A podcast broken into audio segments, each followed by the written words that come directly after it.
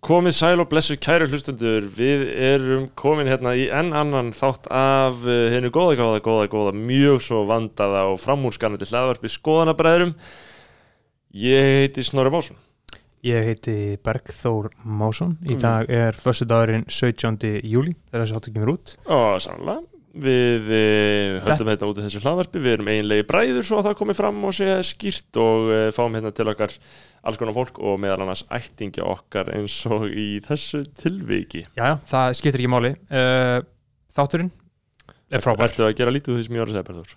Nei, nei, þú veist, mér finnst bara ekki skipta máli að hún sé skild okkur.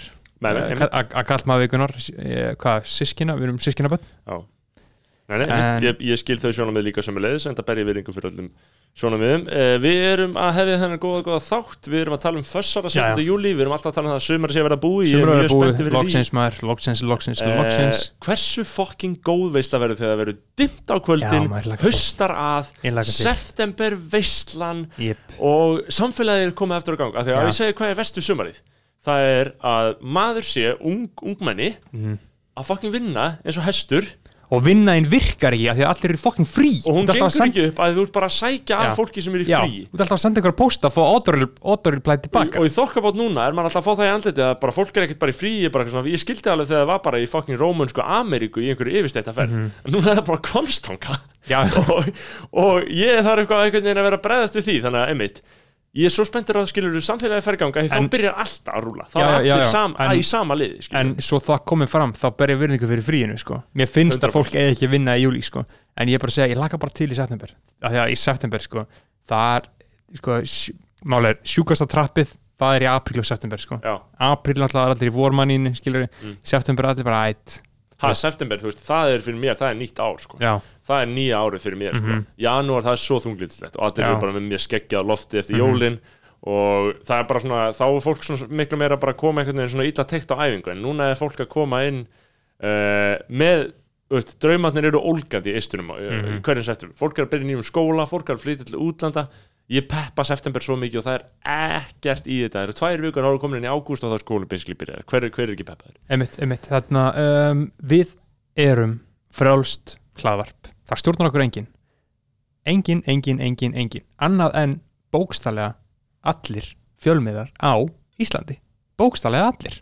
MBL, Vísir. Mbl.is er fremsti, fremsti, fremsti fjölmið landsins, já. Stjórnað af útgerðamönnum uh, uh, hvað hva, hva fjölmiðar lefnaði það meira? Uh, Hvað þú sagðir, Rúf. Bjartvísir, Fréttablaðið, Devaf fréttablaði, devaf eh, allt. Kjarnin allir, allir, allir þessi miðlar eiga sér húsbónda.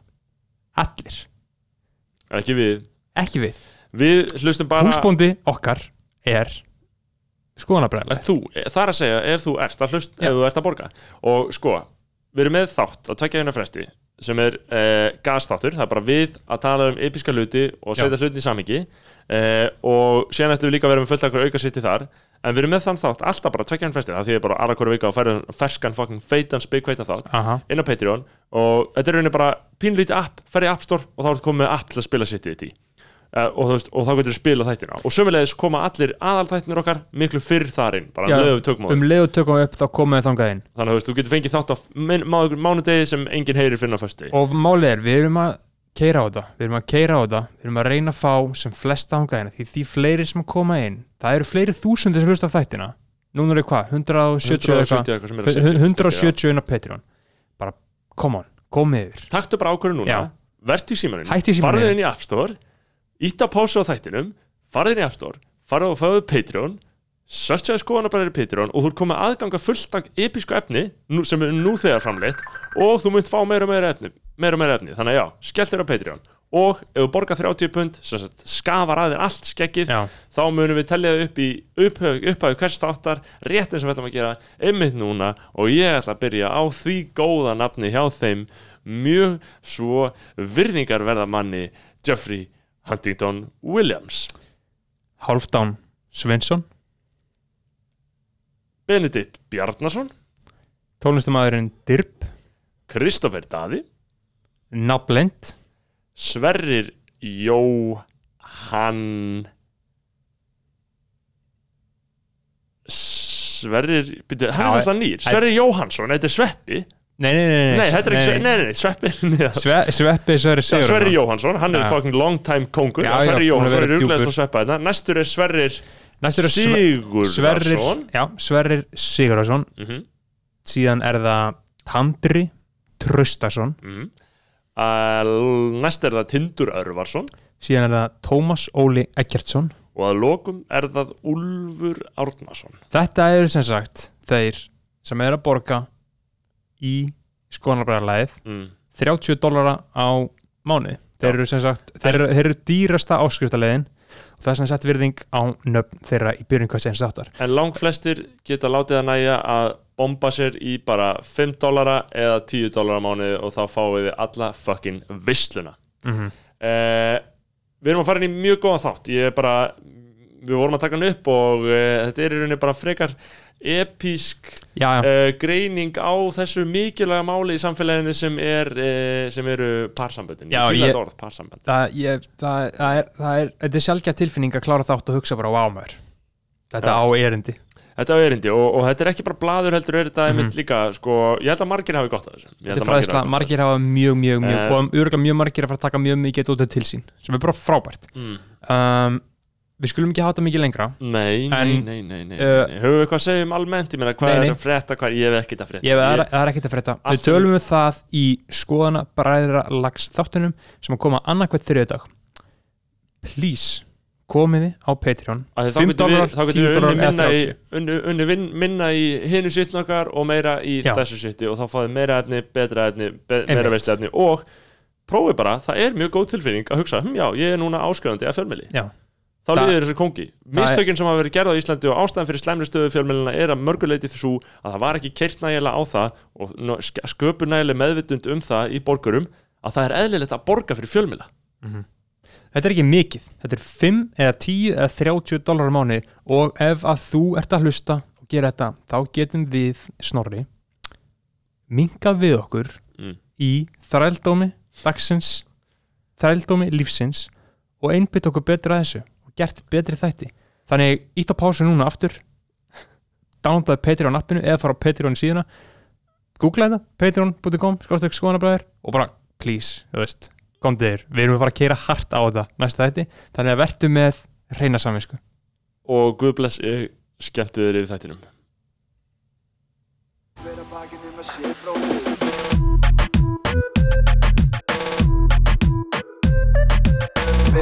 bakið um að sé bróðir eigi Ég hafi upptöku og við erum komin hér í hljóðver um, sérst, við bræður, eh, ásamt Kristínu Tómasdóttur, uh, frænk okkar uh, en frænk okkar, það er náttúrulega aukaðatri þessu, þessu tilfelli, velkomin Kristín Jú, takk. uh, velkomin í skoðanabræður uh, hvernig er, hvernig er tilfinningin? hvernig er það góðin? Bara þú fyrir hefði verið, sko. Ég Já. var bara orðin mjög spennt. Já, þú varst ekkert orðan móðguð Nei, ég var ekki án móti. Nei, þú En, var ekki komin en þangað. þegar þið ringdu og báðum um að koma þá hugsaði ég, já, auðvitað, okkur er Já. ekki löngu Já. búin að ringja. Já, Einmitt. einmitt, það er svona smá eftir á móðgun svona ögn aftur í Já, tímann bara það var að segja það. þetta tekur allt tíma, smátt og um, smátt Við höfum náttúrulega fengið sýstuðina, Já. Þóru Mhm. Við höfum eftir að fá Sóli Já, uh, einmitt. fullkona hringin og, og, og, og ættmóðurina Já, á Guðrunu já. En þið eru búin að fá mömmu ykkar.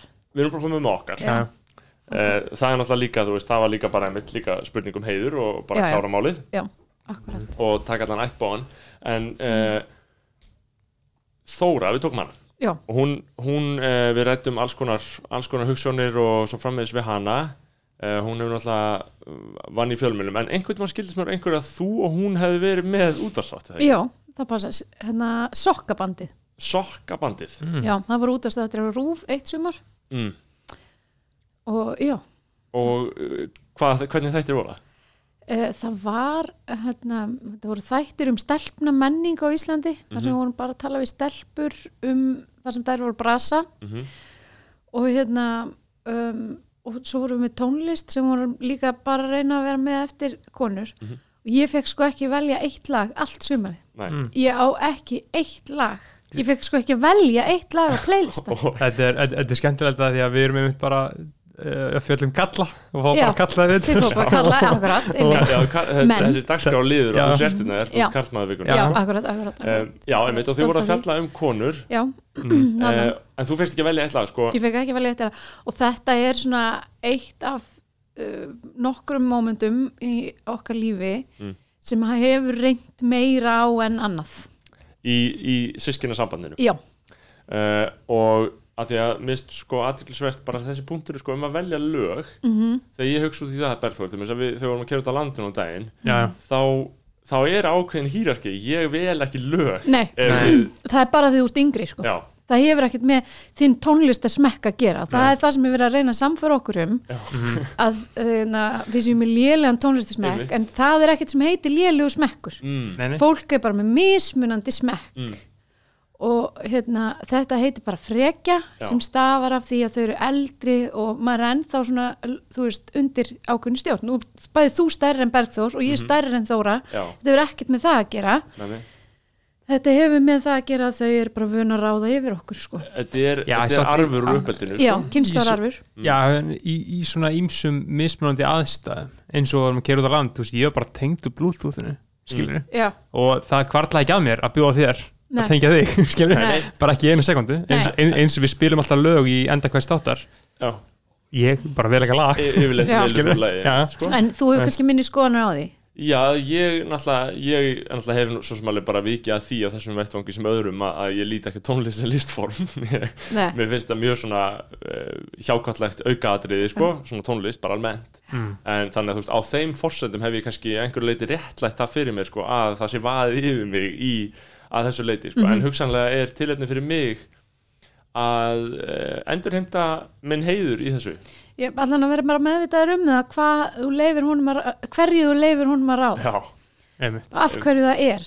Ég hef ekkit sérstaklega mikið áhuga á tónlist held, eða svona mikla skoðanir á tónlist. Ég er svolítið svona aðlæta Já. hlustum mikið á léttið. Lettbylgina léttbylgjuna. Smetla henni í gang. Já, en þú veist, ég vildi alveg velja eitt og eitt lag. Ég- þetta Sama ég, hér ég, vildi vil alveg velja, en já. það var bara ekki bóði það var ekki búið uh, en hvað Kristín, þú Mhm. ert þú starfar sem hjónabandsrákjafi já, já, já, og uh, þekkir mikið inn á svona fjölskyldu? Já fjölskyldumál, Vesen. ég er fjölskyldum með fyrir fræðingur. Já. maður heyri það náttúrulega strax á því bara hvernig við talar um fjölskylduna, við tölum um arf við tölum, Kynslóðararf, þetta er ekkert á eðlilegum forsöndum, þetta er á vísindalegum nótum absolutt, mikill fagmaður þannig Fa- fagmaður, er þetta, er þetta fagmannlegt, myndir þú segja svona umhverfi ég, meina eins og bara ef við tölum bara ólík umhverfi í mm atvinnulífinu minna, sumstaðar er mikil fagmennska og annar staðar er kannski meira eh, við segjum ekki fúsk en bara svona mm verið að slá til hendinu og svona winga þetta skilur, hvernig, já, hvernig Sko, er það í þessu? í þessu erum Mm. við svolítið að súpa segið að því að fjölskyldum meðferða fræðingar er ekki lögvenda starfsheiti Nei. landlagnir pakka því ekki inn sem lögvenda starfsheiti Mhm. sem gerir það að verkum að það geta alls konar púskarar vera að, að hérna, sinna parameðferð og, og ímsu sko. Og kalla sig einhver síður. Einhvers konar meðferða fræðinga og, og eitthvað, ég veit ekki, þeir Me- fyrst á eitthvað meiri svona. segja ekki bara eitthvað, er þetta bara ómenta fólk? Sumir er, já, ég veit ekki já, ég raun held að bara, þú veist, það ég það e- hafa verið svona hvað segir maður, snáka olju salar Mhm. já, Já. í þessu.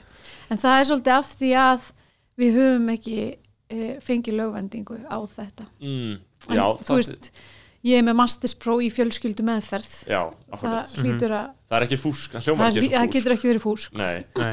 um, og hvað, hvað felur þetta í sér? hvað ertu að gera?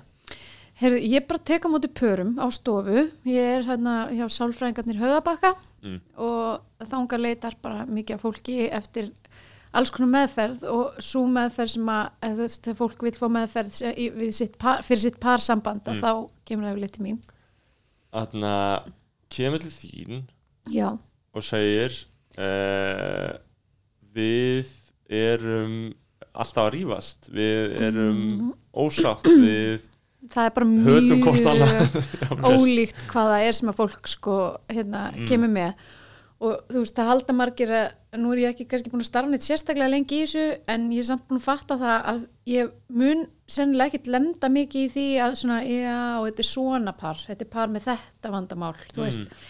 að því að pör eru svo rosalega ólík og þau koma að bara eiginlega jafn mörgum ástæðum og þau eru mörg sko. Já, og þetta er bara alltaf eins og setja nýja spól í einmitt, ég hef mikið áhuga einmitt sko svona konkrétt sögum sko, ég meina bara eins og bara þú náttúrulega ert með skjólstæðing og trúna og svo framvegis, mm en þú náttúrulega skrifa líka í blöðunum eitthvað svona á, já, og fjallar um þetta, ég meina þú veist, hvað er algengt? Skilur, hvaða vesen er yfirleitt í gangi sko, það má kannski þú veist, segja svona algengasti vandi para sé miskilningur það er bara miskilja hvort annað, mislesa í hugsanir hvort annars Mm. og halda að þú geti lesið í hugsanir halda að þú viti hvað makiðin er að meina þegar hann setur upp eitthvað svip.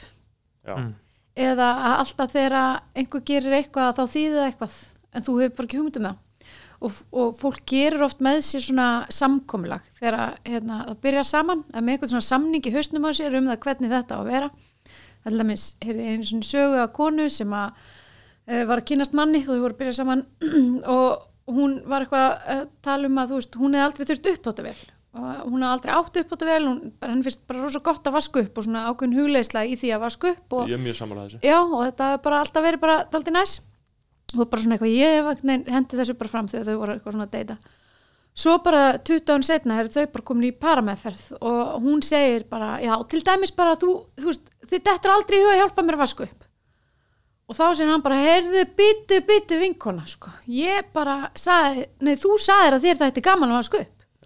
þá var hann bara búin að setja þetta í sitt samkomlag en gleymir að láta hann að kvitta upp á það sko. þú veist, hann hugsa bara, ok, hérna er ég bara búin að finna mína drauma dís, henni finnst bara gaman að vaska upp. Mér finnst það ekki, ég þarf aldrei að vaska upp.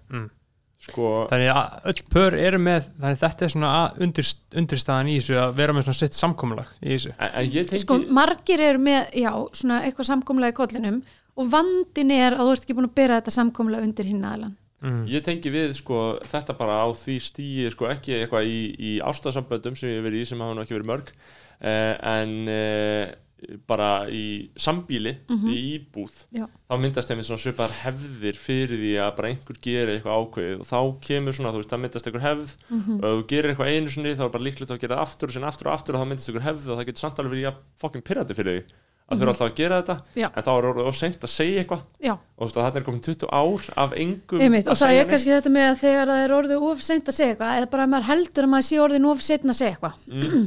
og þú veist, ég hef alveg verið með pör sem var gift í 50 ár og það var bara ekkert of seint Nei, að ræða hlutina, bara, þau þurftu bara aðeins að nikja á nokkrum hlutum eða bara fólk þarf að læra að tala aðeins öðru sér saman. Og mér finnst oft þegar fólk kemur til mín þá segir að þú veist, hún vill alltaf ræða hlutina eða hann, þú veist, annarkor bara hún vill alltaf ræða, ræða þetta setjast niður, nú þurfum við að ræða þetta tölum saman, nú ætlum við að tala.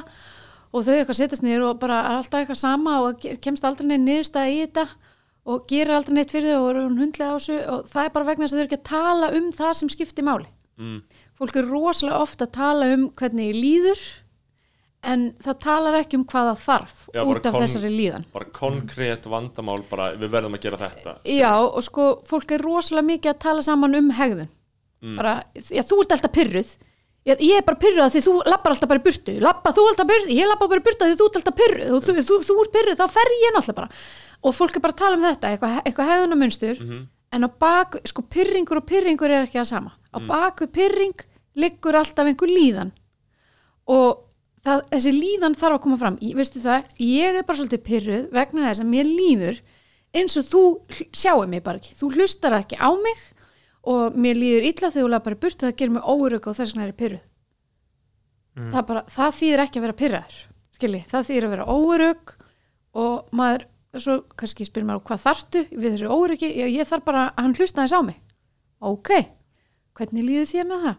Þá er bara komið eitthvað samtal sem skilar miklu betri árangri í staðan fyrir að sitja og, og hjakkast í því að annars er pyrrar og hinn hlust ekki og, og er þetta allt svona fólk sem að leita sér svona meðferðar er þetta bara fólk sem er búið að vera saman í mörg, mörg, mörg ár Nei, bara alls ekki sko og ég náttúrulega vil helst fá bara svona single menn eins og ykkur sko í, Já. í parameðferð Ok. og hérna, því það myndi ég segja að væri fyrir byggjandi parameðferð sko. Þar með- getur maður verið að- fræða koma inn með alls konar pælingar sem geta nýst ykkur í parsambandi. Fyrir utan það að sko hérna, það mestu mistökin sem að fólk gerir í parsambandi er að velja sér vittlusan maka. Já. og fólk er bara ekkert að vanda sig við það sko, það er bara þú veist, kannski eitt like á Tinder eða þú veist, fyrir sleik við hjóla og englis og svo lætur það bara þar við sitja bara þegar að velja sem maka bara sett sér við þetta. Er bara setja sig við þetta, en þetta er bara minn maki.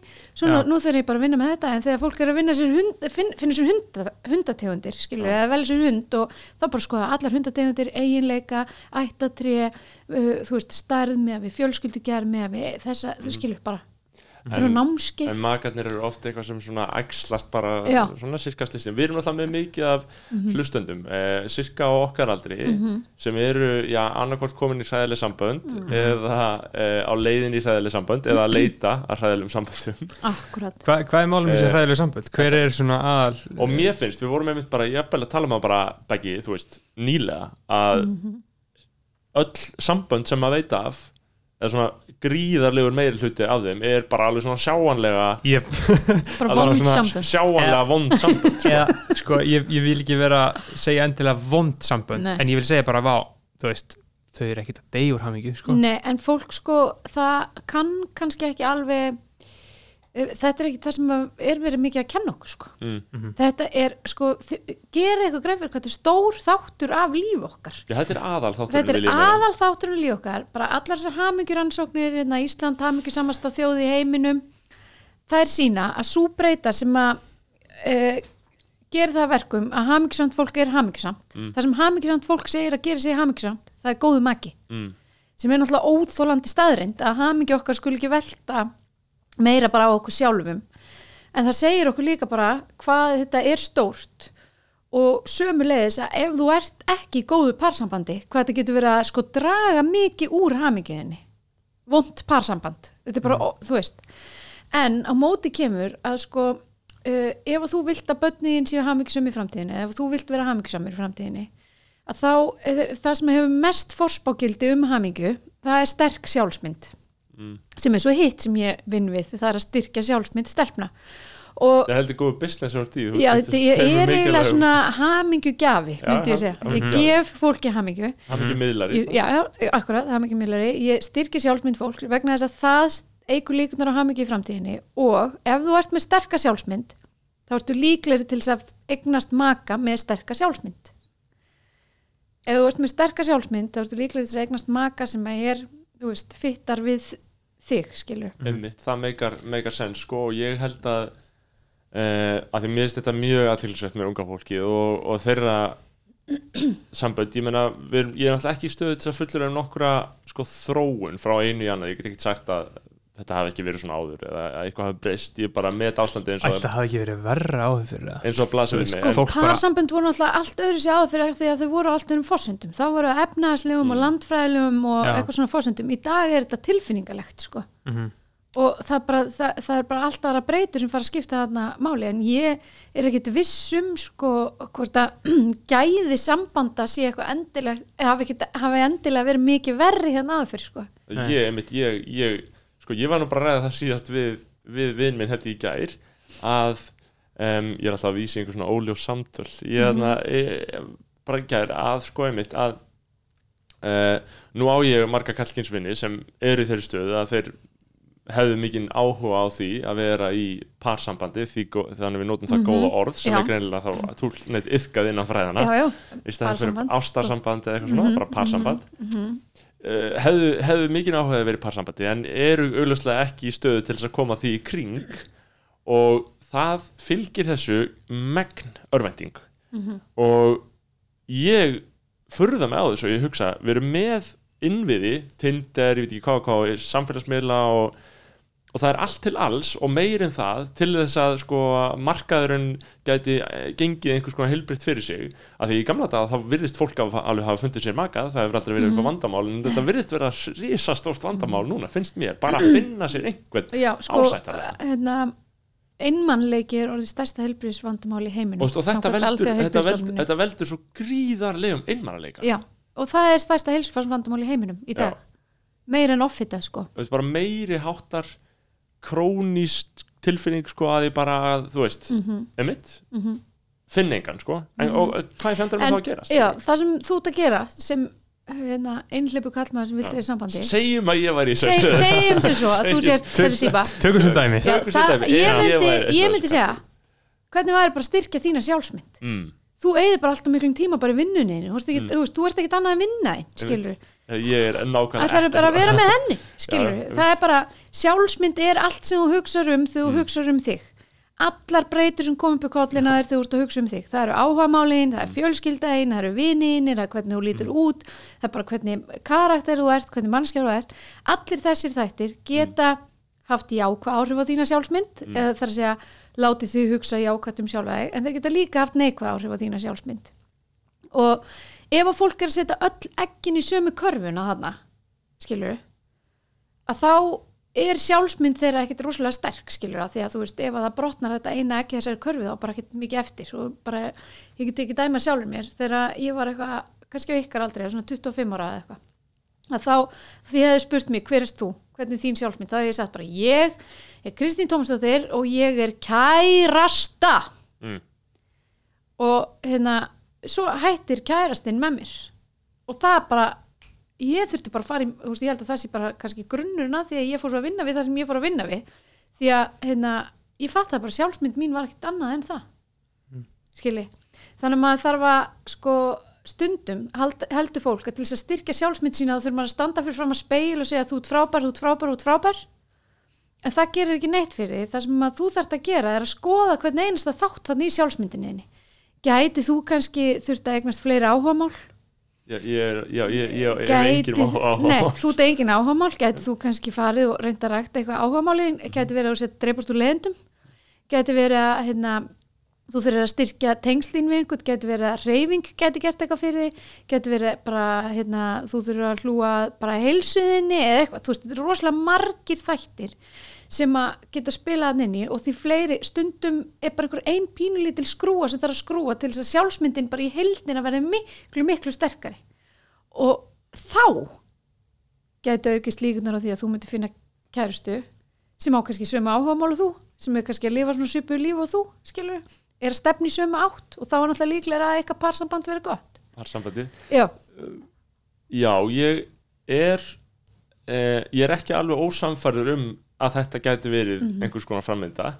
Eh, ég er samt vegar auðvitað líka alltaf skeptiker á sko einmitt að að, að ég um, ég meina að þetta er svona einhvern veginn uh, þetta er torrleysanlegt þegar þetta blasir svona við manni að maður þurfið bara, bara að fara að gera þetta í stæðan fyrir að bara þú veist, mér finnst bara eins og þetta eigi að gerast fyrir einhverja góða slisni Já, en, en líka að samanskapið þá er maður alltaf að hugsa að gerist ekkert og gerir ekkert í skilju já það er alveg rétt. Og sko en þú veist, hundra gráðunar við erum uh, slistnin hjá þér væri þá þannig að þú myndir þá kannski kynast einhverju konu í vinnunni inni, skilur Mm. en já það er eini vettfókun ég fyrir bara að háka inn Já. og aftur Já. út og aftur inn að heimil já, þannig að þú veist og kannski er það bara allt í lagi og myndir hitta einhverju konu sem bara lifir eins lífi skilur og þenn þú veist úrtaki er ekki droslega stór Eh, Það er svo sorglega til ykkur já, það er sorglega til þessu sko, og ég hef oft hugsað um svona pör sem vinna Já. án alveg sama vettfangi já mér er oft, oft fundist það mjög alltaf fyndið sko.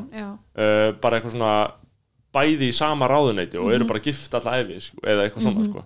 ég held að það sé ekkert eitthvað endla verra en það er bara mjög spes. Já, mjög spes. Um, en uh, nei, það sem ég vildi sagt hafa nei, ég glemdi því sem ég er að segja en, Sko þetta með hérna, sjálfsmyndinu nefnilega er ótrúlega stór hluti af þessu. Þegar hérna, ég fæ til mín foreldra sem er bara hvað að gera hérna, með stelpunum mína til að styrkja sjálfsmyndinu hennar? Þá segja ég alltaf, til dæmis bara eins og með áhugamál að það er það sem að stelpur segja að oftast að sé eitthvað sem að gefur þeim jákvæða sjálfsmynd. Mér finnst ég vera góð í fótbolta, mér finnst ég vera góð að spila piano eða mér finnst ég vera hérna, flink að lesa eða eitthvað svona. Og það svona styrkir þeirra sjálfsmynd. Þannig að stundum þá getur verið að bara að skoða þennan þátt geti styrt sjálfsmyndina í heilsinni, skilur og það getur kannski auki líkunar á því að hún verði hamingjusum í fremtíðinni og getur auki líkunar á því að hún verði betra parsambandi þá.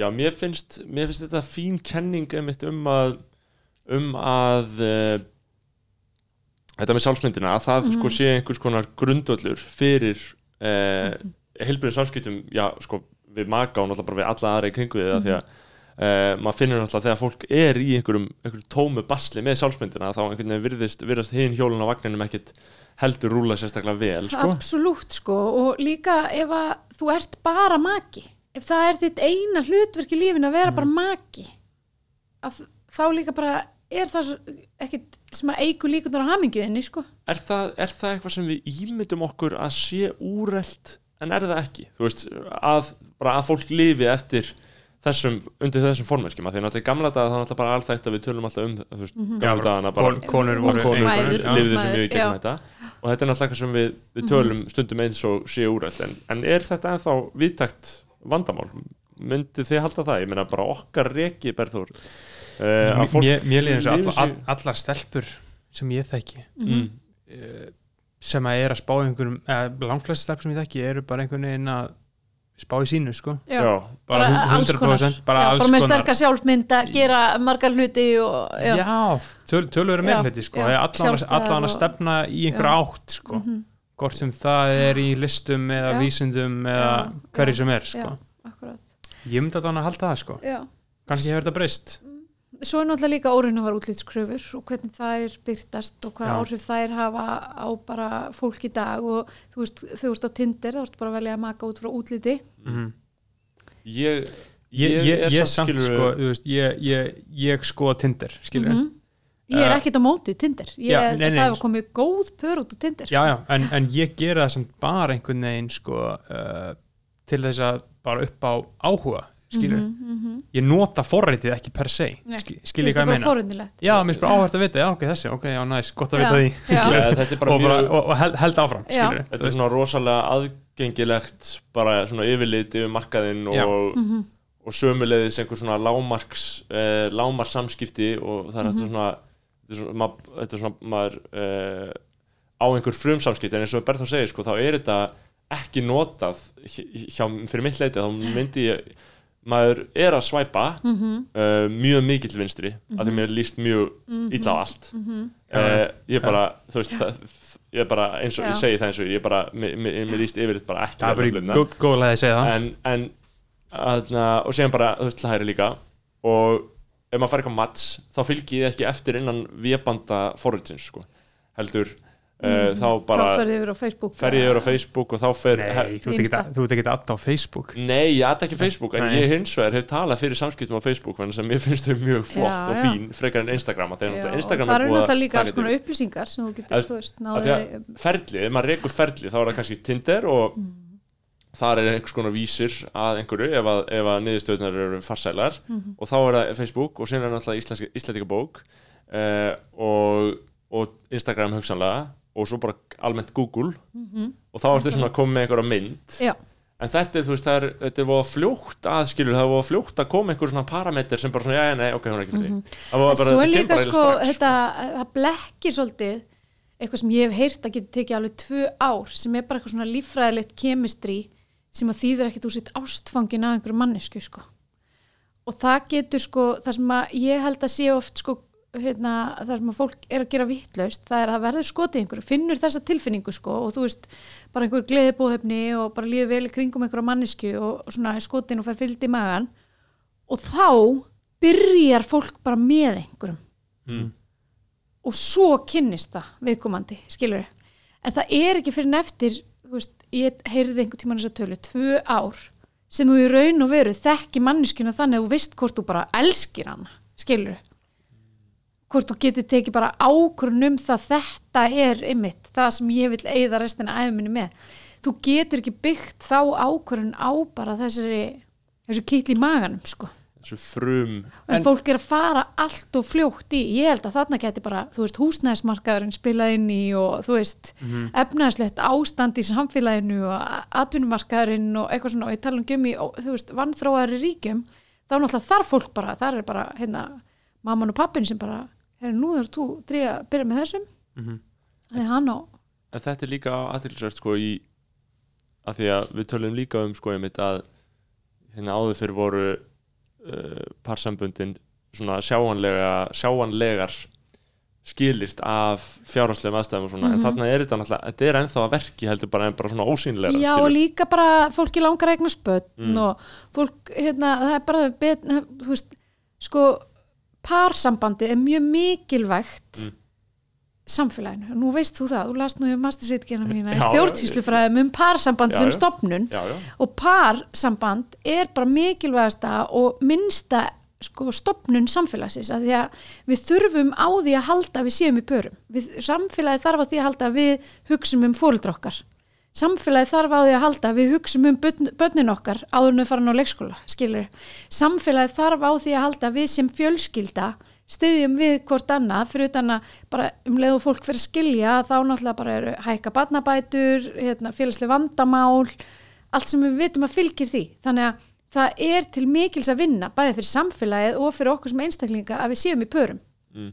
það er einmitt líka það sem margir, margir kvarta á kveina yfir að því að sömulegis einmitt það sem við vorum að tala um hérna eitthvað rétt í byrjun sko að um, það er ekkert allir uh, það, er svona, það er svona smá sorgleg pæling að einmitt uh, við þurfum að setja svona mikið púður í þetta uh, bara almennt sambönd og þetta skiptir svona miklu máli að því að við sjáum alltaf bæði bara af eins og þú sagðir af, af hamingjuransóknum og svo framvegis að þetta er auðljóslega uh, mikilvægasti ef ekki allan að einn af þeim allra mikilvægasti þáttum bara í lífi allra að vera í góðu sambandi og á sama tíma er þetta líka bara mjög mikilvæg stopnum fyrir allt gangverk samfélagsins.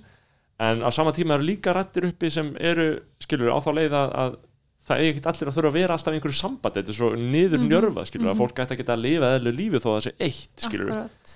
en, en þetta náttúrulega vinnur mjög mikið gegn því og fólk sem Já. er eitt. Alþjóð hamingjustýðlinu er ekki samanlegaðir hana Nei, fólk sem er eitt skilur og er að reyna að halda þeir, þeim lífstíl til streitu og segja bara þetta er algjörlega jafngilt öðru og ég á að vera gjaldgengur meðlimur í samfélaginu þó ég sé ekki í sambandi og ég er með þess að tala við eitthvað, eitthvað svona einmitt einhleipa fóreldra og þú náttúrulega ert líka þraut reynd á, á því sviði sem við, sem getum, pólitík sem við getum vikið að þetta bara einu stundar hví ekki það. En það sem ég er En að þú reyna að segja er náttúrulega að taka sko, þarna með í reikningin að sko það er til fullt af einstaklingum sem eru miklu betur settir einir en í óhamingisum um parsamböndum. Já, það er náttúrulega líka það það er eiginlega versta í þessu sko. Það er miklu verra að vera í vondu parsambandi en að vera einn. Einmitt, en, en, það er til mikils að vera, að vera í góðu parsambandi og þetta er líka á við um börn til dæmis, Mm. af því það er svo margir sem er bara við viljum ekki skilja út á börnunum og eitthvað svona, það er ótrúlega marg rannsökuð og sönnuð mýta sko, Já. að þú gerir börnunum þínum engan greiða með því að vera saman í óhæmingisum í sambandi vegna þess að sko tókstreita í parsambandi það hefur bara bein áhrif á eins og til dæmis hérna, þunglindi unglingstelpna. Já. eða bara vannlíðan í framtíðinni hjá börnum. Og, hérna, og líka bara þeirra svona fyrirmyndi í parsambandi og hvernig þau munu upplifa sig í parsambandi setna meir en, og rannsóknir sína að sko velja batna og bara svona það hvernig þau koma út úr skilnaði fóldra sína að það er erfitt til tveggja ára og bara getur bara verið hunderfitt skilur, mótlæti og leðilegt og svona en það getur líka verið léttir. Og eftir tvö ára þá mælist ekkit munur á skilnaðabötnum og svo bötnum sem búa við parsambönd fóldra sína nema að það hefur verið ógeðslega illa staðið að skilnaðanum og það er í 8% skilnað þar sem að bara fóldrar er í geðvikum forræðisteilum og bara rosalega átök og bara rosalega miklur erfileikar skilur Einmitt. sem að valda náttúrulega svakalum vanlega en ekki viljum við að þeir fóldra séu saman Nei. þannig að það er bara ekki gott fyrir neitt að vera í vondu parsambandi Hvernig á það, hvernig á það að vita? Hvernig á fólk að hætta saman? Ja, Jakob Birgisson vinur minn einmitt tala eitthvað mann um það á Twitter að hann vildi að hann væri fenginn í það embætti hjá borgaryfirvöldum að fara á milli manna og segja heyrðu, já já, ég er þetta komin Hérna. frá borginni. Já. uh, ykkur hefur verið gert að hætta saman samkvæmt þessum úrskurði. Og það var Eh, ástæðan fyrir ég fór í þetta nám sko. ég ætlaði bara að fara í þetta nám þannig ég geti bara sagt hérna, herr, nú er ég hjónabæsrákjaði og hérna, þið þurfum að skilja. Mm, á vísindalegum grunni Er, er, er, ertu mikið að segja fólki það bara, hei, aldrei, aldrei gert það. Bara alls ekki það er náttúrulega tap fyrir það er bara algjört tap og ég var bara, þú veist, fyrstu vikun í skólanum mínum áttaði maður því að þetta var ekki mitt hlutverk sko í lífinu að segja fólki að þetta skilja. Þannig að í rauninni, þú veist, var ég komin að í tveggjara ná- þú veist, námi sem að ég bara vissi ekki hvað ég ætti að gera við sko, því að það var þetta sem ég ætlaði að fara að gera, segja fólki að skilja. Já, en þú getur ekkert sagt neinum að skilja fólk þarf bara að finna út því sjálft sko. og hérna, það er bara drullu erfitt að skilja en, en hérna um, já, þú veist, það er líka og það er kannski það sem ég er svo lærði til alls konar leiðir til þess að gera vond samband gott eða gott Já. samband betra já, já, og ég fór smátt smátt að hafa trú á því og Hver- ég hef séð að gerast sko Hverjar eru þessar helstu leiðir? það er að ekki lust á mig, þú voru að reyna að finna þeirna eigin lausnir sko. ég get ekki komið og sagt, heyru, þið þurfi bara að gera það oftar eða, eða þið þurfi bara að tala þessi saman en ég bara spyr og spyr og spyr og spyr. Þangað til að fólk er yfirleitt bara komið með eitthvað niðurstu í hendina, bara já, heyru, við þurfum bara að gera þetta, skilur já. Þannig þau átt að sjá því með því að heyra allar þessar spurningar. Já, og bara það er yfirleitt ekkert eitthvað sem að ég er að segja þeim að gera, sko. Nei. nú heyri ég ekki neitt veitu, maður sjá, hvað er bara eins nær hljónum hann, Það datt eitthvað út. byrju, hérna ef ég færi þeir en heyrðu í Já, þér nú- núna, eða ekki? já, já, nei, Sjá. það fór. Eh, núna, maður sjá. núna, núna, Eh, ekki við þetta. Svona, Snúrin í góðlega, hún er eitthvað trygg. Já. En gæðin frábær? Já, já, Gæðin frábær. Þannig að mér mér varst þetta mjög áhært á þannig með sjálfsmyndina. Að Mhm. fólk eigi bara svona að styrkja sig og sína sjálfsmynd.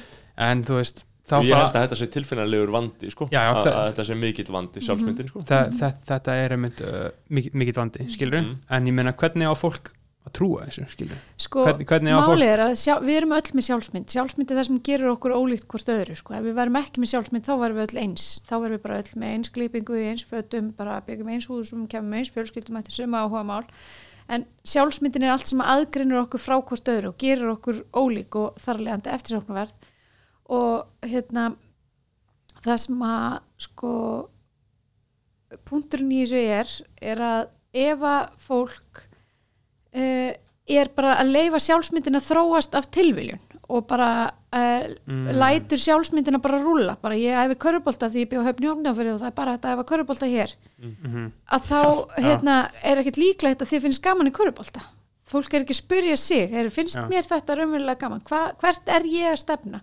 Hvernig vill ég að sjálfsmynd mín sé? Hvað vil ég að skipti máli hérna skilur og hún mun alltaf mótast auðvitað, þú veist, þú ert með sjálfsmynd og þú ert með sjálfsmynd og hún mun alltaf mótast en við getum gert rosalega margt til að styrkja hana, til þess að hún sé oftar jákvæð og við séum oftar ána með okkur en hitt.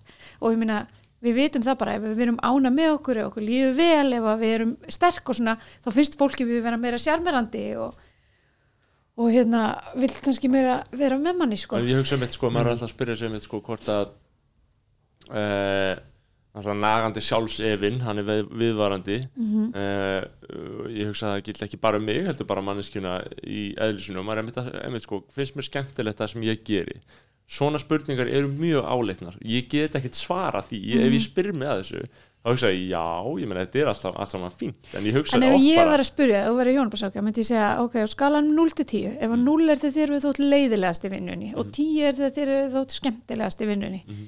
hvað ertu sérska núna? já, ég er alveg í góðri ég er töl, góðri tölu þar held ég Já, sko. hvað heldur þú sérst? ég myndi segja góð 7, 8 Sjö, ok, segjum sjö, Þessu, bara já. þannig að við getum unnið eitthvað með þetta. Ne, Hvað þarf að gerast mm? svo komst upp í átta? Já, það er ímislegt sem ég gæti nefnt það væri, ég var náttúrulega farin svolítið svona ég, væri bara farin einfallega kjara umræður blaðamanna Klara umræður, ok, það getur skipt máli. Þa, það væri ímislegt sko en, en Hækka í launum, já, ok, eitthvað meira? mér var, mér var alveg saman laun sko Ok, er samanlega, uh, en einmitt, ef ég myndi vinna minna vinna minna. almennt, skilur og það er ímislegt einmitt. En þarna ert já. þú að koma með þína lausnir. Ég er Já. ekki að segja þér hvað þú átt að gera svo þú sétt ánæður í vinnunni. Ég veit ekkert hvernig það er í vinnunni á þér, skilur.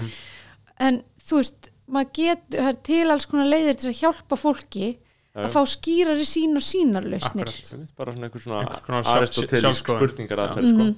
um, já það er mjög gott en það sem ég var einmitt að hugsa með sko, í sambandi við aftur við sjálfsmyndir og það sem þú varst líka að segja er að við erum með alls konar hlustendur og ég veit að það er alls konar fólk að hlusta ymsum aldurshópum en einhverjum ungt fólk og mm Mhm. jafnt strákar sem stelpur og á mentaskóla aldri eða hvernig sem það er uh, fólk eru algjörar uh, óöryggis hrúr Mhm. bara upp til hópa, bara hræðilegt fólk sem ég veit að ég gæti labbað upp að og drepið með því að segja einhver eina setningu við Mhm. Já. uh, og ég uh, finn mjög mikið til með fólki sem er í þeirri vondu stöðu Mhm. að að, að, að þeirra sjálfsmynd er byggð á einhverju mjög, einhverju mjög ótraustum grunni og ég held að slíkt fólk geti ekki tekið mjög góðar ákvarðanir í lífinu eh, á meðan staðan er slík. Og ég veit að þetta fylgir eðli mál samkvæmt úlingsaldrinum sko, og þú er náttúrulega verið náttúrulega líka með einhverja krakka.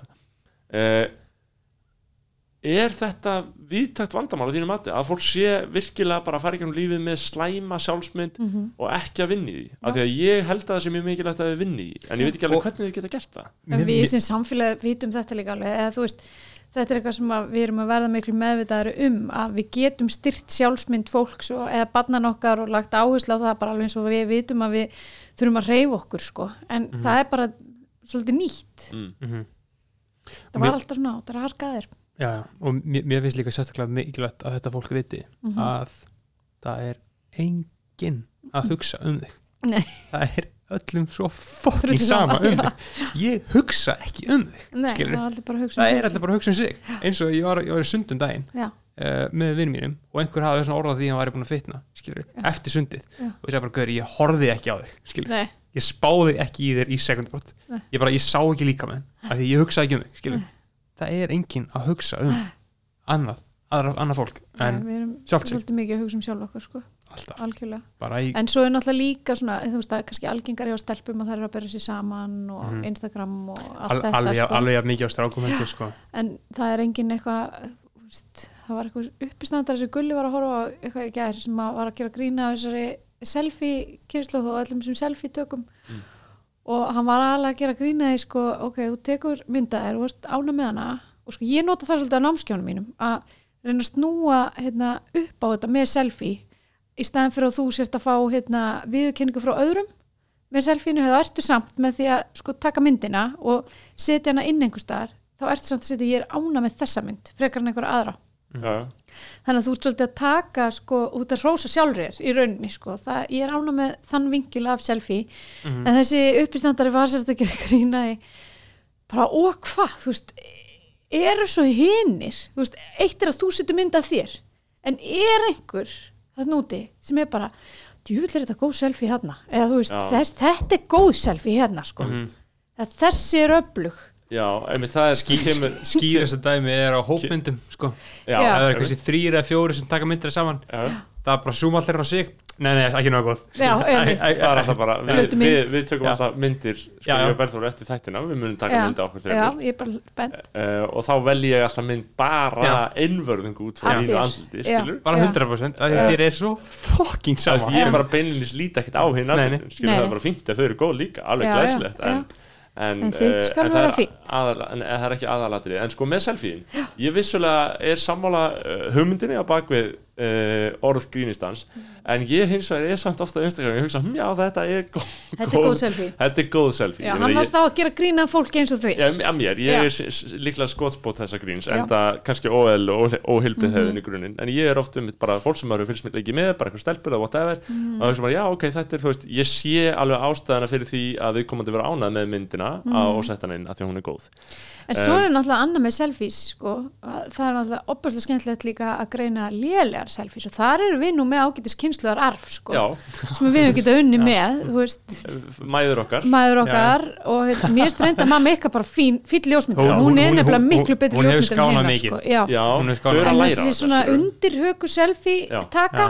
já, það er eitthvað, en þú veist, þar getur maður svolítið verið að sko, hérna já, bara þetta er, Aðeins að- þetta er svo gott stöf sko, Já, þar er sko mjög slæm selfie Já. eða ok, slæm selfie þú Mhm. veist, þar er hægt að svona, um, en ég, hef einmitt fylgst með einmitt bara, þú veist, bara mamma, hún er algjörlega á Facebook, skilur, hún er bara á fullu. mjög virk og mjög og svona mjög mikið af fólki sem er einhvern veginn, það er mikill handagangur í öskinu þannig á prófæra minna, það er Já. bara alls konar Já, fólk allt í gangi öllum áttum að kommenta bara eitthvað með Já. ekkert hvað fólk getur og hún maður bara- líka oft live og svona já, og Já, já. hún er mjög mikið að hendi í Það- mikið live það, það er heldur það gott er sko. bara, það er einhver smá stemning staðar, Já. þá er Já. það bara, heyrði, ég er bara full live Já. skilur já, ég er bara, ma mamma er på það hlustu þáttinn sko. ég Já. ætti bara að segja að við erum mjög, mjög sáttið með þetta Já, já, já, að þetta er frábært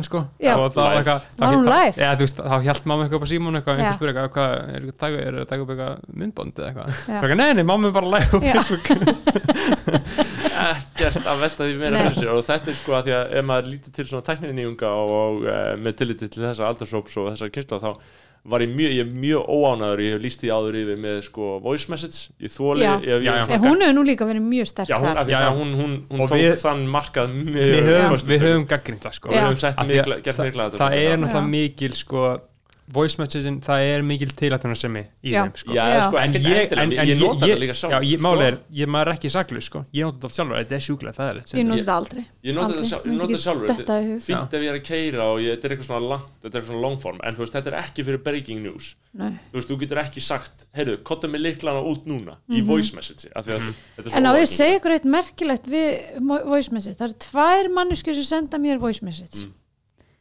og þær hafa báðar átt heima á Ringbröð 98 Hringbraut 98.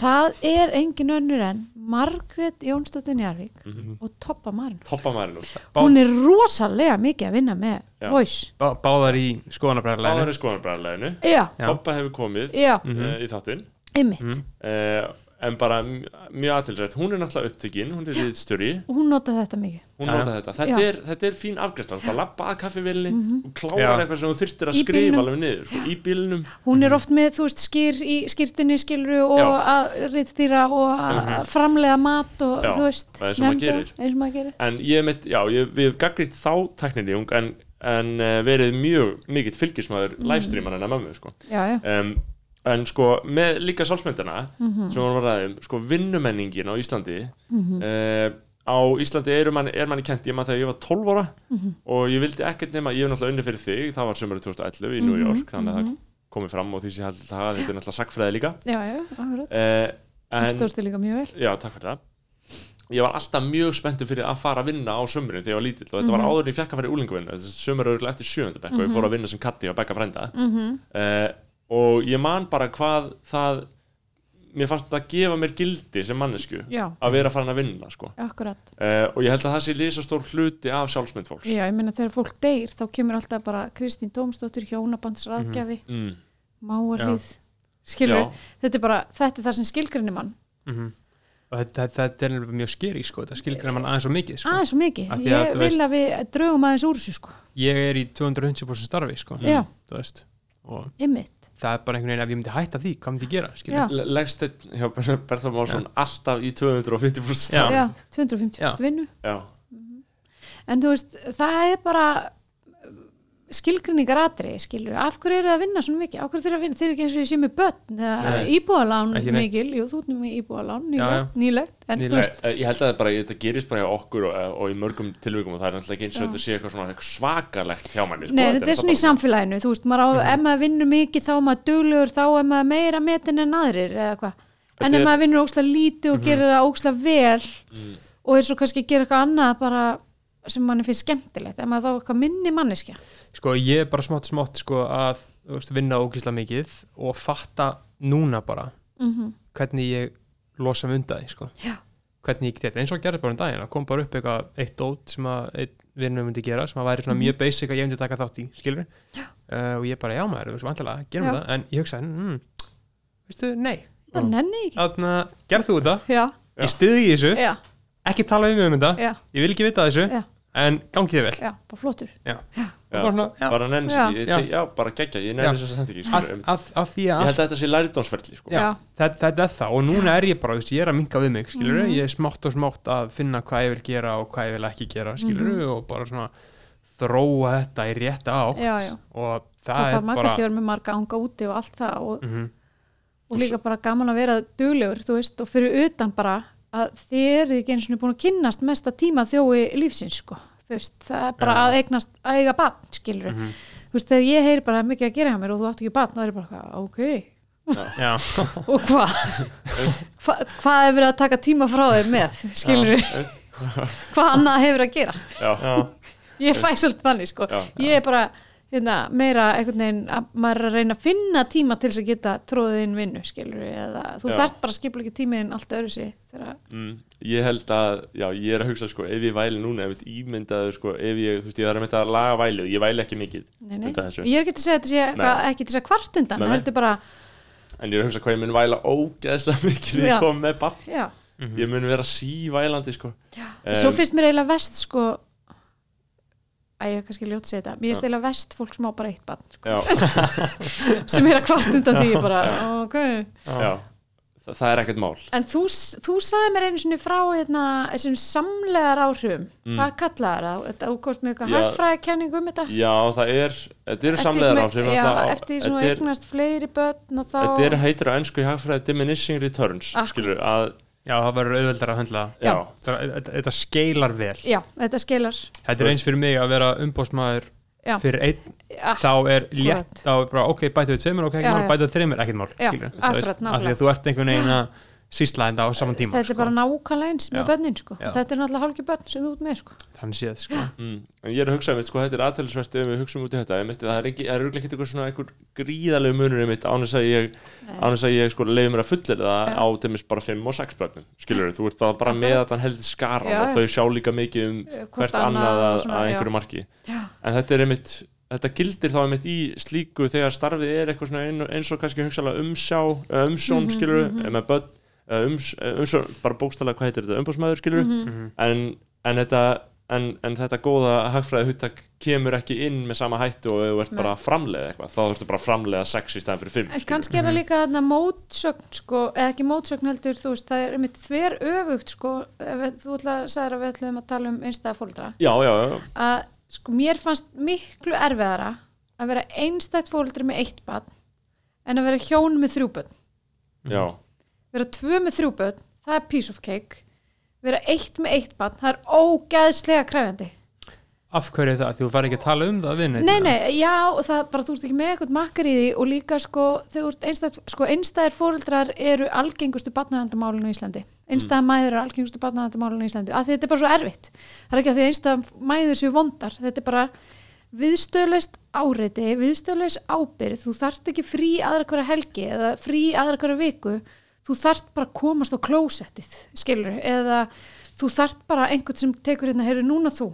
Þú ert búin að vera með unga batt grátandi í tvo klukkutíma að taka það kannski einhver næstu tvo tímana skilur Já. þú setur bara uppi með þetta þú veist.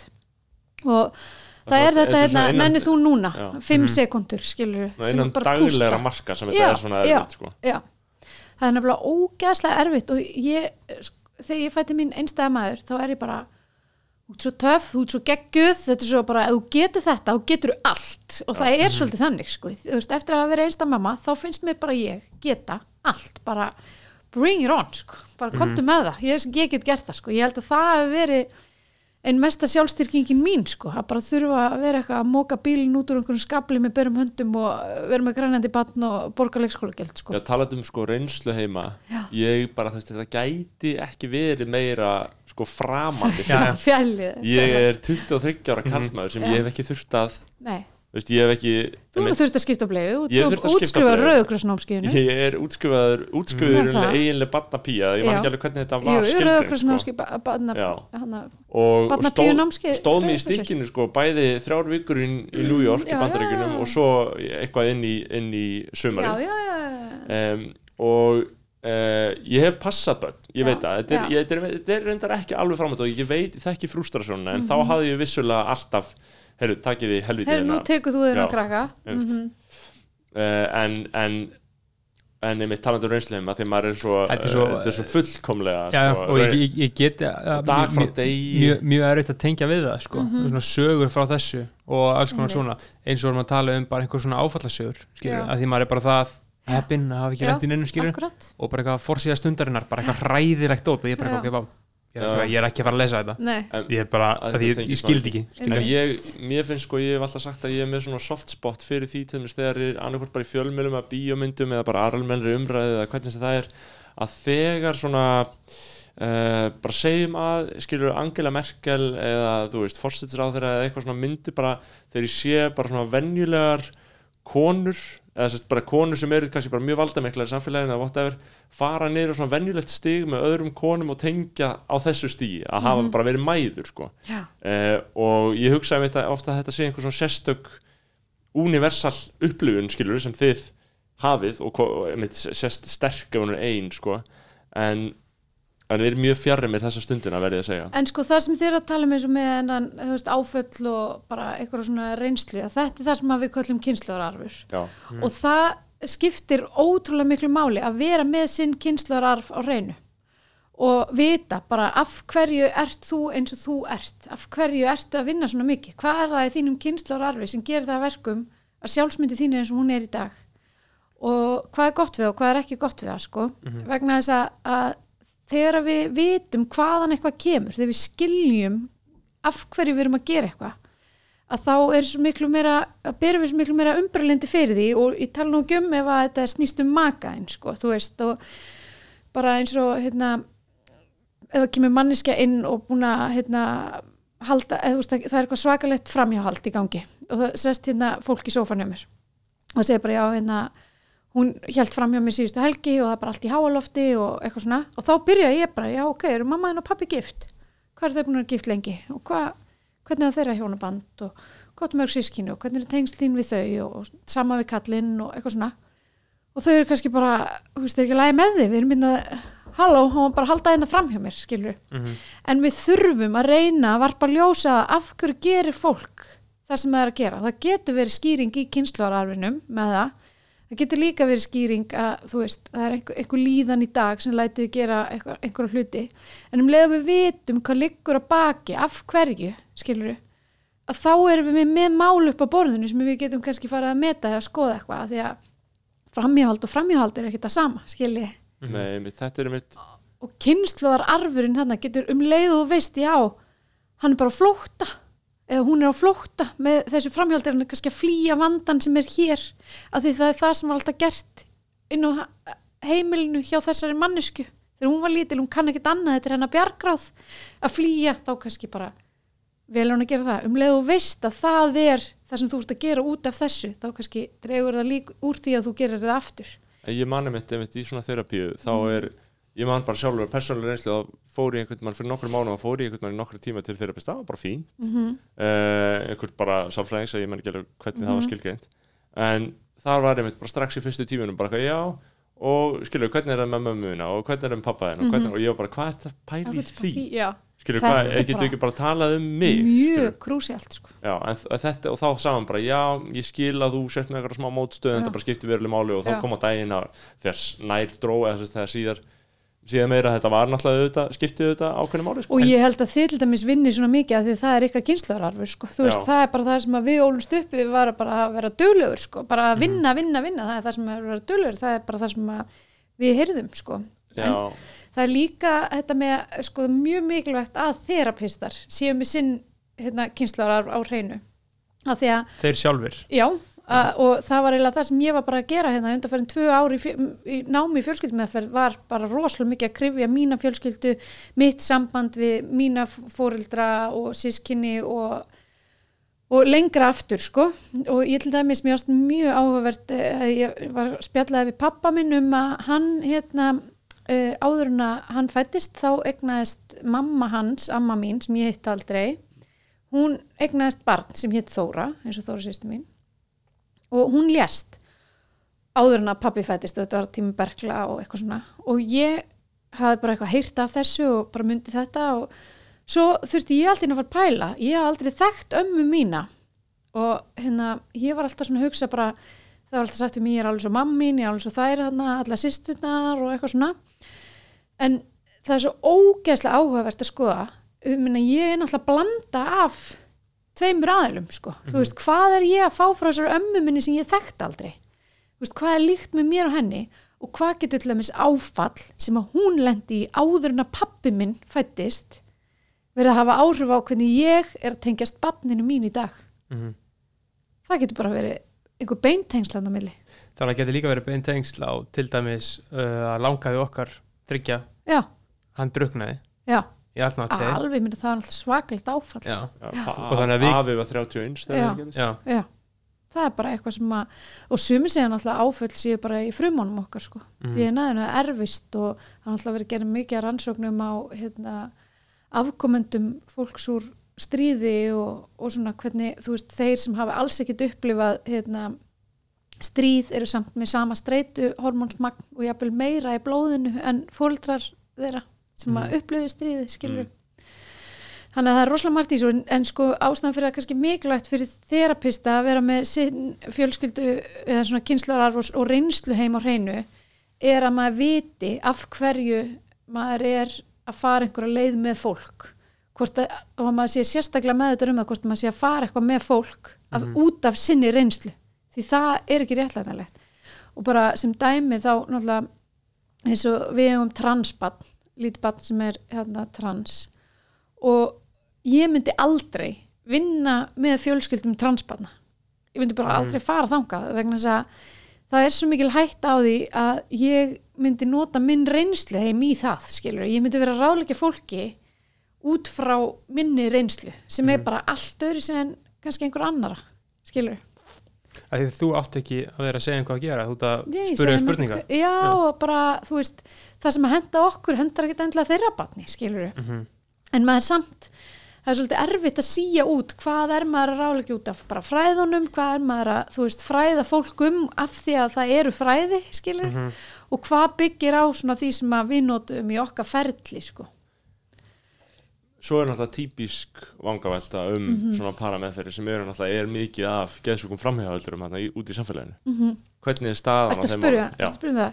Já, sko, ég er orðin hálf síðblind í þeim efnum, sko Já, að því að, framhjáhalds. ég er eiginlega talsmaður framhjáls þegar ég hef bara séð að framhjáhald hafa gert mjög gott fyrir suma, sko Já, bæði náttúrulega er framhjáhald oft það sem kemur upp á áður en að fólk skilur já, stundum er þetta eins og ég sagði áðan bara flótta leið bara leið Mhm. til þess að ok, ég er ekki að meika þetta sambandi ég ætla að fara yfir í næsta Mhm.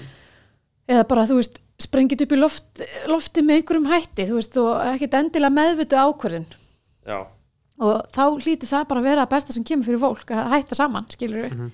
stundum er það vegna þess að hérna uh, um, það er bara sambandið komið á okkur stað og hérna ef að þetta hefði ekki gerst þá hefði fólk kannski ekkit farið að vinna í sínu sambandi og hérna já, já, þetta getur verið kveikur af því. þetta er kannski svona ástæðan fyrir að fólk kemur í parameðferð þó að það hefði náttúrulega átt að vera löngu löngu komið Já, að þetta þá er það oft upphaf að einhver Já, betra og góðu sko. kem, en, en af hverju er, ég meina um bara svona þetta einhvernis kerfi sem við lifum eftir og bara Mm. þetta system, það er náttúrulega uh, þegar ég var ungur byltingasinni þá var ég ofta að tala um hvað þetta væri fáránlegt uh, þetta Mhm. einhverni og fólk ætti auðvitað ekki að, í að svona láta bara uh, kúa sig af öðru eins fyrirkomulagi.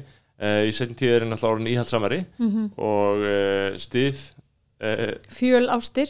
Nei, ég stið ekki. Ég stið, uh, jú, jú, svo, svo sem ég Ég beri virðingu fyrir öllu en ég virði parsambandi sem stofnun. Mhm. og ég þekki mikilvægi hennar af bara sérst, Mhm. sérstaklega í ljósið það sem ég hef lesið í fræðinum Já. af þér.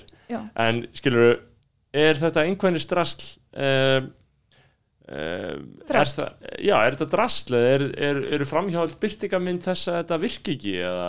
Sko þetta er bara svo þetta er ekkit svart Nei. skilur ég held að sé til fullt af fólki í einhverjum fjöl ástar samböndum og það er bara mjög ánægt og, og hamingsamt og það, ég held að gangi upp sko. Ég held að til fullt af fólki sem er í opnum samböndum sem að það gengur bara vel hjá og það er til fullt af fólki sem er í hérna prófar eitthvað að þú veist opna sambandi sitt eða eitthvað og ákveður svo bara lokaði aftur og, og bara fínt skilur þannig að þú veist, ég held að bara fordómarnir að, að þú veist, hugsa að þetta á bara að vera svona, eða svona skal þetta vera, það er það sem er verst. En auðvitað býður þetta svolítið hættunni heim stundum og ég veit um pör það sem að það hefur gerst skilur, fólk hefur ætlað að opna sambandi eitthvað, en það sem að er mjög algengt uh, já, ég hef stundum séð það er að fólk kemur til mín að því að það er ótrúlega góði vinir og hérna gengur rosalega vel að reyka fjölskylduna og bara líður mjög vel saman. En það vantar kannski eitthvað svona upp á bara kemistrið sko, þú veist að það bara er ekki jafn svona skotin í hvort öðru lengur eða eitthvað svona upp á nándin að gera og eitthvað uh, og þar höldu við einhvern veginn, já ok, það er bara að laga nándina, en að laga nánd er ekkert bara að laga nándina þetta er bara eins og flétta. Og svo það er maður eiginlega að affléttana til þess að finna hvaða þráður er það sem að þið þurfið að laga, skilur fyrir mér hljómar þetta eins og hið óleysanlega verkefna þú setur tvo einstaklinga Já. sem vilja ekki stunda kynni með hvorarum að láta þá nefnilega vilja akkurat þarna hljóma eins og- líku mergum málsins. Fólk heldur að þetta snúist um kynlíf að sko nánd sé bara kynlíf. Og máli er og þetta er, þetta er að fyndi að þú skulle segja þetta vegna að ef þú spyrð pör hvað er það sem þú myndir vilja breyta í þínu sambandi eða laga eða hérna, eitthvað draga úr að þá svara flestir kall, eða veist, þá er algengasta svar kallmanna í þessari rannsók er hérna meira kynlíf, minni rifrildi. Algengasta svar kvenna er meiri nánd meiri vináta en máli er að þetta er allt það sama. Og þau vilja það sama. Og stundum, og það getur verið mitt hlutverk, að reyna að finna út úr því hvaða þáttur er það sem við þurfum að vinna með hér þarf bara, stundum þarf bara að rífa plásturinn af og fólk þarf bara að fara heim að gera, skilur vegna þess að ef það kynlið að vera aðeins finn, eða kemur meiri nánd, það verður meiri vinir og það hættir að rífast svona mikið. Stundum það fólk bara hættir að rífast svona mikið það finna einhverju lausni að eiga betri samskipti þannig að verði betri vinir, þannig að það komi meiri nánd þannig að stundu ofta kynlíf. Stundum þarf bara að auka bara á vináttuna. Já, já. skiljið hvað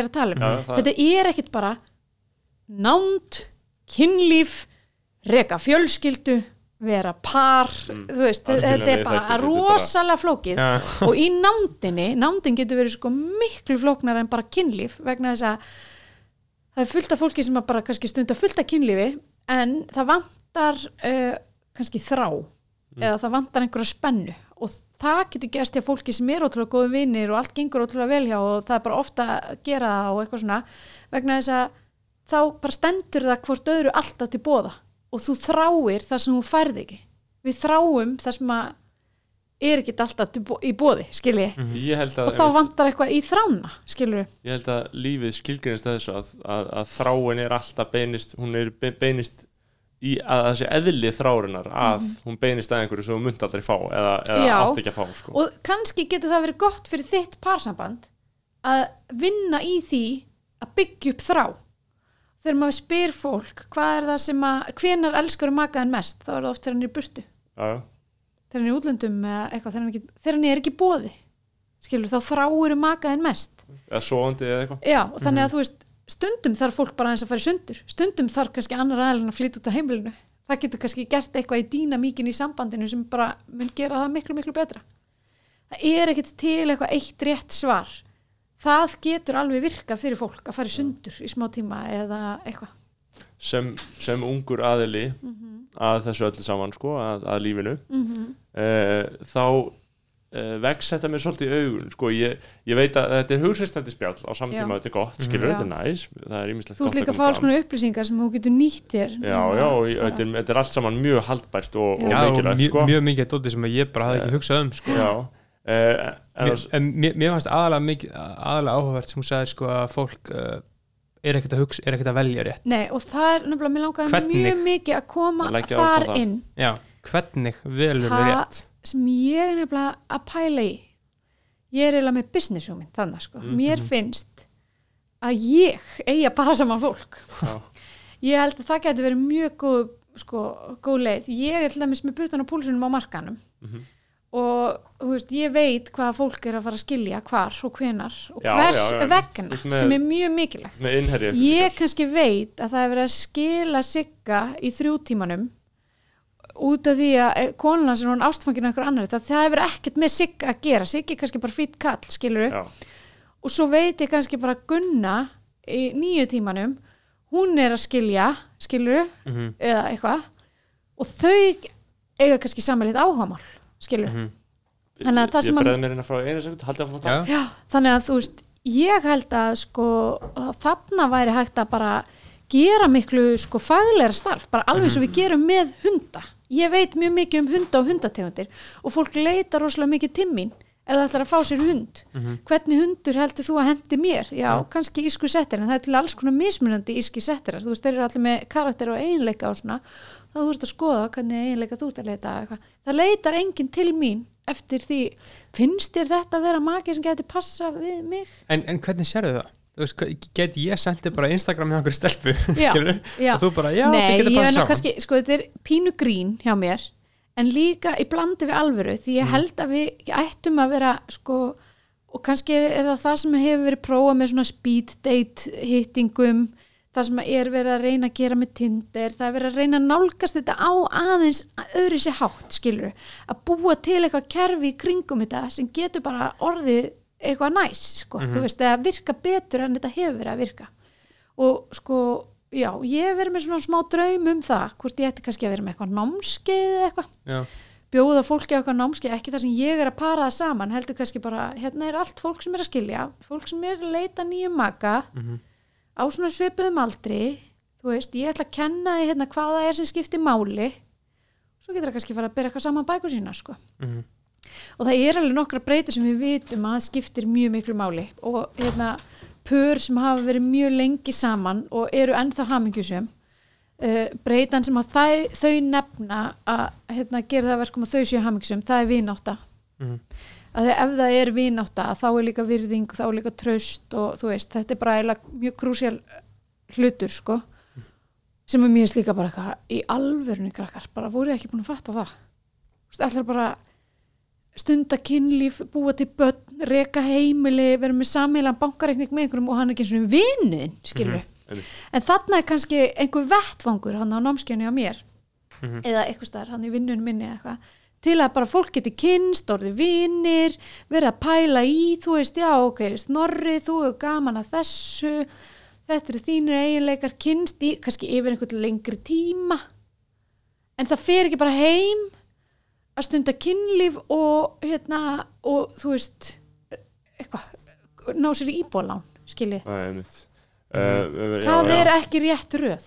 Nei, Sko ég held að ég held líka að heldur þessi góð business hugmynd hjá mér að, að para saman fólk, að samþykja að Já, eru koma í para- að koma bara í vottun hjá þér.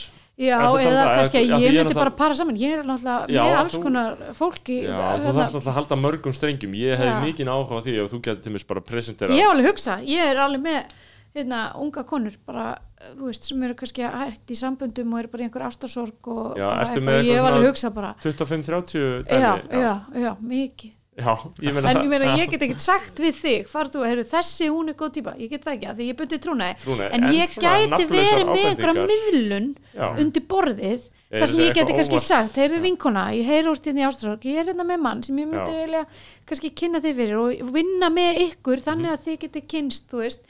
Lært að tala saman, eitthvað um líðan og Já, þarfir er og, rauninni séðum upp, upp, upphafs já, gera það bara eins og fólk gerir í kvolpaskólum og eitthvað svona sko. Já, og, og sko, einmitt, að þá byrjarðu á þessari svona mm uh, hvað getur sagt, sko, heilbriðu forsendu, sko. Já, og þú getur alltaf hægt það er ekki að segja að eigir að vera með viðkomandi en það er kannski meiri fórsendu fyrir að það sé rétt. En ég, ég er líka að hugsa í þessu sambandi. Ég meina þegar fólk er að velja sem maka og eins og við sögum inn á hann, það er fólk, fullt af fólki í einhverju fókt uppdæmi og á ekkert að vera í því og sér ekkert á því og svo framvegis. Og það mætti náttúrulega hafa mörg orðum það og það þarf svo sem ekkert að gera það. En uh, er uh, er blandast örlögin inn í þetta einhvers konar? Neða einhver leiti, ég meina er eitthvað fólk sem bara samkvæmt einhverjum lögmálum bara á ekki að vera saman? Er hægt að leysa allt? Sko, maður verður náttúrulega að vera svolítið fara valega með ofbeldi. Já, ofbeldi kemur inn í þetta. Já, ofbeldi kemur inn í þetta. Og mér finnst mjög áhugavert ég er að vinna svolítið mikið með heimilisfriði sem er þarna uh, um svona úrræði fyrir fólk sem hefur verið að beita ofbeldi og vil hórast í auðvill breyta í Já, Mm. ég hef heyrt af aukningu í í slíkri svona viðleitni hjá Já, körlum Já. Já, ekki bara körlum, Nei, nei. þetta er bara karlar og konur, það er eitthvað 40% held ég ok kvenna sem Mhm. leitið í heimilisfriði og svo hef ég verið að taka við sko pörum þar sem hefur komið upp ábyldi, þar sem annar alin hefur verið einstilismeðferð sem gerandi ábyldi og svo halda áfram að vera saman og þá koma þetta mín og við erum að vinna Já, með það. Það er svolítið vand með farið þú veist, maður er alltaf verið að vera meðvitaður um að þarna hefur átt sér stað uppbeldi, þú veist og hérna, reyna að koma í veg fyrir að það gerist aftur. En í rauninni snýst það um það sama og bara erfi samskipti eða eitthvað annað að maður er alltaf að reyna að breyta hegðun. Þú veist, reyna að láta fólk gera eitthvað annað sem að virkar betur, fá einhver ný bjargráð vegna þess að ég trúi því að þegar fólk beitir ábeldi þá er að gera það vegna þess að það er orðið örvendingafullt að veit ekki hvað það á að gera. Það kann ekki, heyrðu. Ég á kannski frekar að nota orðið mín skilur Mhm. það þarf að kenna önnur bjargráð til þess að þetta fari. Ég hef mitt, ég hef mitt hugsa oft þarna, eh, ég hugsa oft einmitt í þessu samhengi við sko, þegar maður sér þessa stereotypísku til þess bara einhver svona, einhverju bíómynd einhver svona fyllibittan sem ber konu sína. Mm einhver svona kall sem bara ræður ekki við hvað hann drekkur mikið skilur í setjum tíð þá horfi ég miklu meira á hana þessi náttúrulega í gamla dag og ennþá náttúrulega mjög miklu leita og horfum maður á þetta sem einhvers konar bara illmenni og monster skilur sem er, sem er vondur Mhm. skilur en í setjum tíð horfi ég miklu meira á bara þetta mesti aumingi Mhm. Sem ég get séð veist, hann, þetta er mest, þetta er það aumingjalegasta og vorkuna verðasta sem Já. ég get séð, sem ég veit um sko. ég reynir bara að finna samkend og sko það er rosalega veist, alls ekki að ég sé að bera blak Nei. af nokkur sköpum hlut eða, eða segja En, þessi skára sko þessi hérna, stereotýpa ofbeldismanni Mhm. hún er sjálfgefasta típan af ofbeldismönnum sem við erum að sjá skilur hérna uh, mjög oft er þetta líka bara ljót samskipti og þú getur sko andlitt ofbeldi það er náttúrulega eitthvað sem fólk talar um að setja miklu dýpri ör en að vera kildur skilur Mm. en hvort sem það er ofbeldi eða bara í sambandi einhver sem er bara pyrrandi eða bara sem ég myndi kannski segja hérna áður fyrir þú ert bara leiðilegur, þú ert bara skemmtileg og af hverju eru þið þá saman skilur Já. að reyna að vera ekki að líta á fólk svona svartkvítt heldur bara að reyna að finna samkend með fólki bæði hvort sem að er að gera eitthvað rámt að því flestir er að gera eitthvað rámt sko, reyna að hjálpa því að gera betur. Og hérna og ef að ég væri alltaf að reyna að hugsa þegar ég fæði til mín par og það er kannski það sem að aðgrinni sálfræði meðferð frá parameðferð er að maður er alltaf með tvo.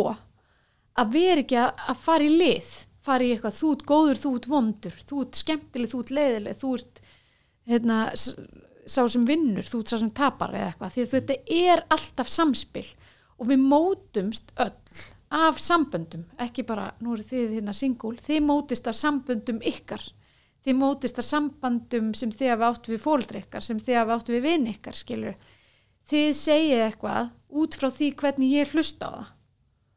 Og ég sé ykkur út frá því hvernig þið sýnir mér ykkur Já, skilur, þú veist, við erum maður, alltaf maður að mótast af af sko. Já, þannig að það er ekkert, ég get ekki tekið hérna eitthvað par og hugsa, ok, ég þarf að taka þennan mann og ég þarf að breyta honum Já. og þá getur þau verið saman, skilur við, Þetta þetta þetta er snýst eining, alltaf um já. Mm. samspil, tvekja einstaklinga, þó ég sé ekki að koma einhverju ábyrð af ofbeldi yfir einhvern annan, Nei, skilur nei, við. það, hlýtur að vera einmitt að, að, að, að þetta ræða það á, á Mhm. einhverju leiti, á Já, já, hve- hvernig þarna, já, hvað segir, við höfum farið við að völl heldur Já. betur sko. Og mikið lært ég, Já. Já, bara ég held þetta sé raunverulega mjög- mikilvægt sko. Ég held að þetta sé mikið umræða að, að fólk sé að og hver, hver, já, hver, ég er náttúrulega mjög heppnir að hafa svona greiðan aðgang að mér, sko. Já, þetta Já. er að því Er rándýrt? mér finnst ef ég væri þið þá myndi ég bara vera að mæta heim til mín með einhverja, bara hvernig líst þér á þetta hvað, Já. þarf að laga ég er, hvernig á ég að tala þessa en ég hef nú alveg falið þetta vald í hendur Já. bara þér til mér svo líka þóru að einhverju marki já. að að, uh, að taka úrslita ákvarðanir sko. já, já, uh, að Já, er ég, ég, ég man ekki hvort það varst þú eða Þóra en Já. akkurat þegar ég þurfti að Já, já. eiga svona Já. þið þarna- hafið haft aðkomu að Þóra að hefur líka verið minn helstir á geða gegnum tíðina sko. já.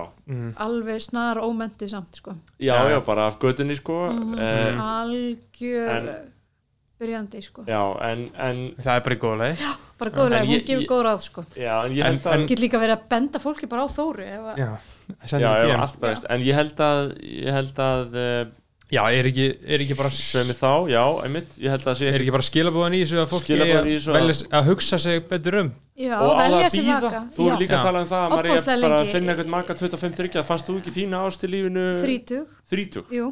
Já, en sko, hérna, já, fólk þarf uh, uh, sko, það er rosalega auðvitað að segja já, ég verið bara að deyta hérna í 2-3 ár eitthvað svona, auðvitað veit ég að fólk sko, hérna því liggur á og það er gaman hjá þeim og að okkur, þá ekki fara að búa saman eða eitthvað svona, en að setja alltaf, að setja fyrirvara, átta sig á því að bara þó ég sé búin að bara kynnast þér eitthvað fara með þér í bíó þrísvar þá þýðir það ekki bara að við séum bara að byrja saman. Það er svo margir sem bara, "Ó, guð, ég er búin að hitta fjölskyldun hans ég er búin að, þú veist eh, bara hitta badni hans kannski ég er búin að fara með honum hérna ásatíð vinnunni á þessu bara hætta með honum.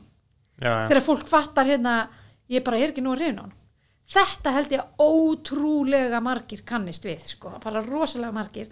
Þannig er fólk að fara of fljótt þannig að kannski bara draga samningan upp á borði strax. Ég er bara að kynnast þér sko, ég er ekki að byrja með þér ég er bara að kynnast þér. Læra að þekka þig. Kannski getur við tíma að byrja saman. Það væri geggjað, skilur en það tekur bara lengri tíma en þetta.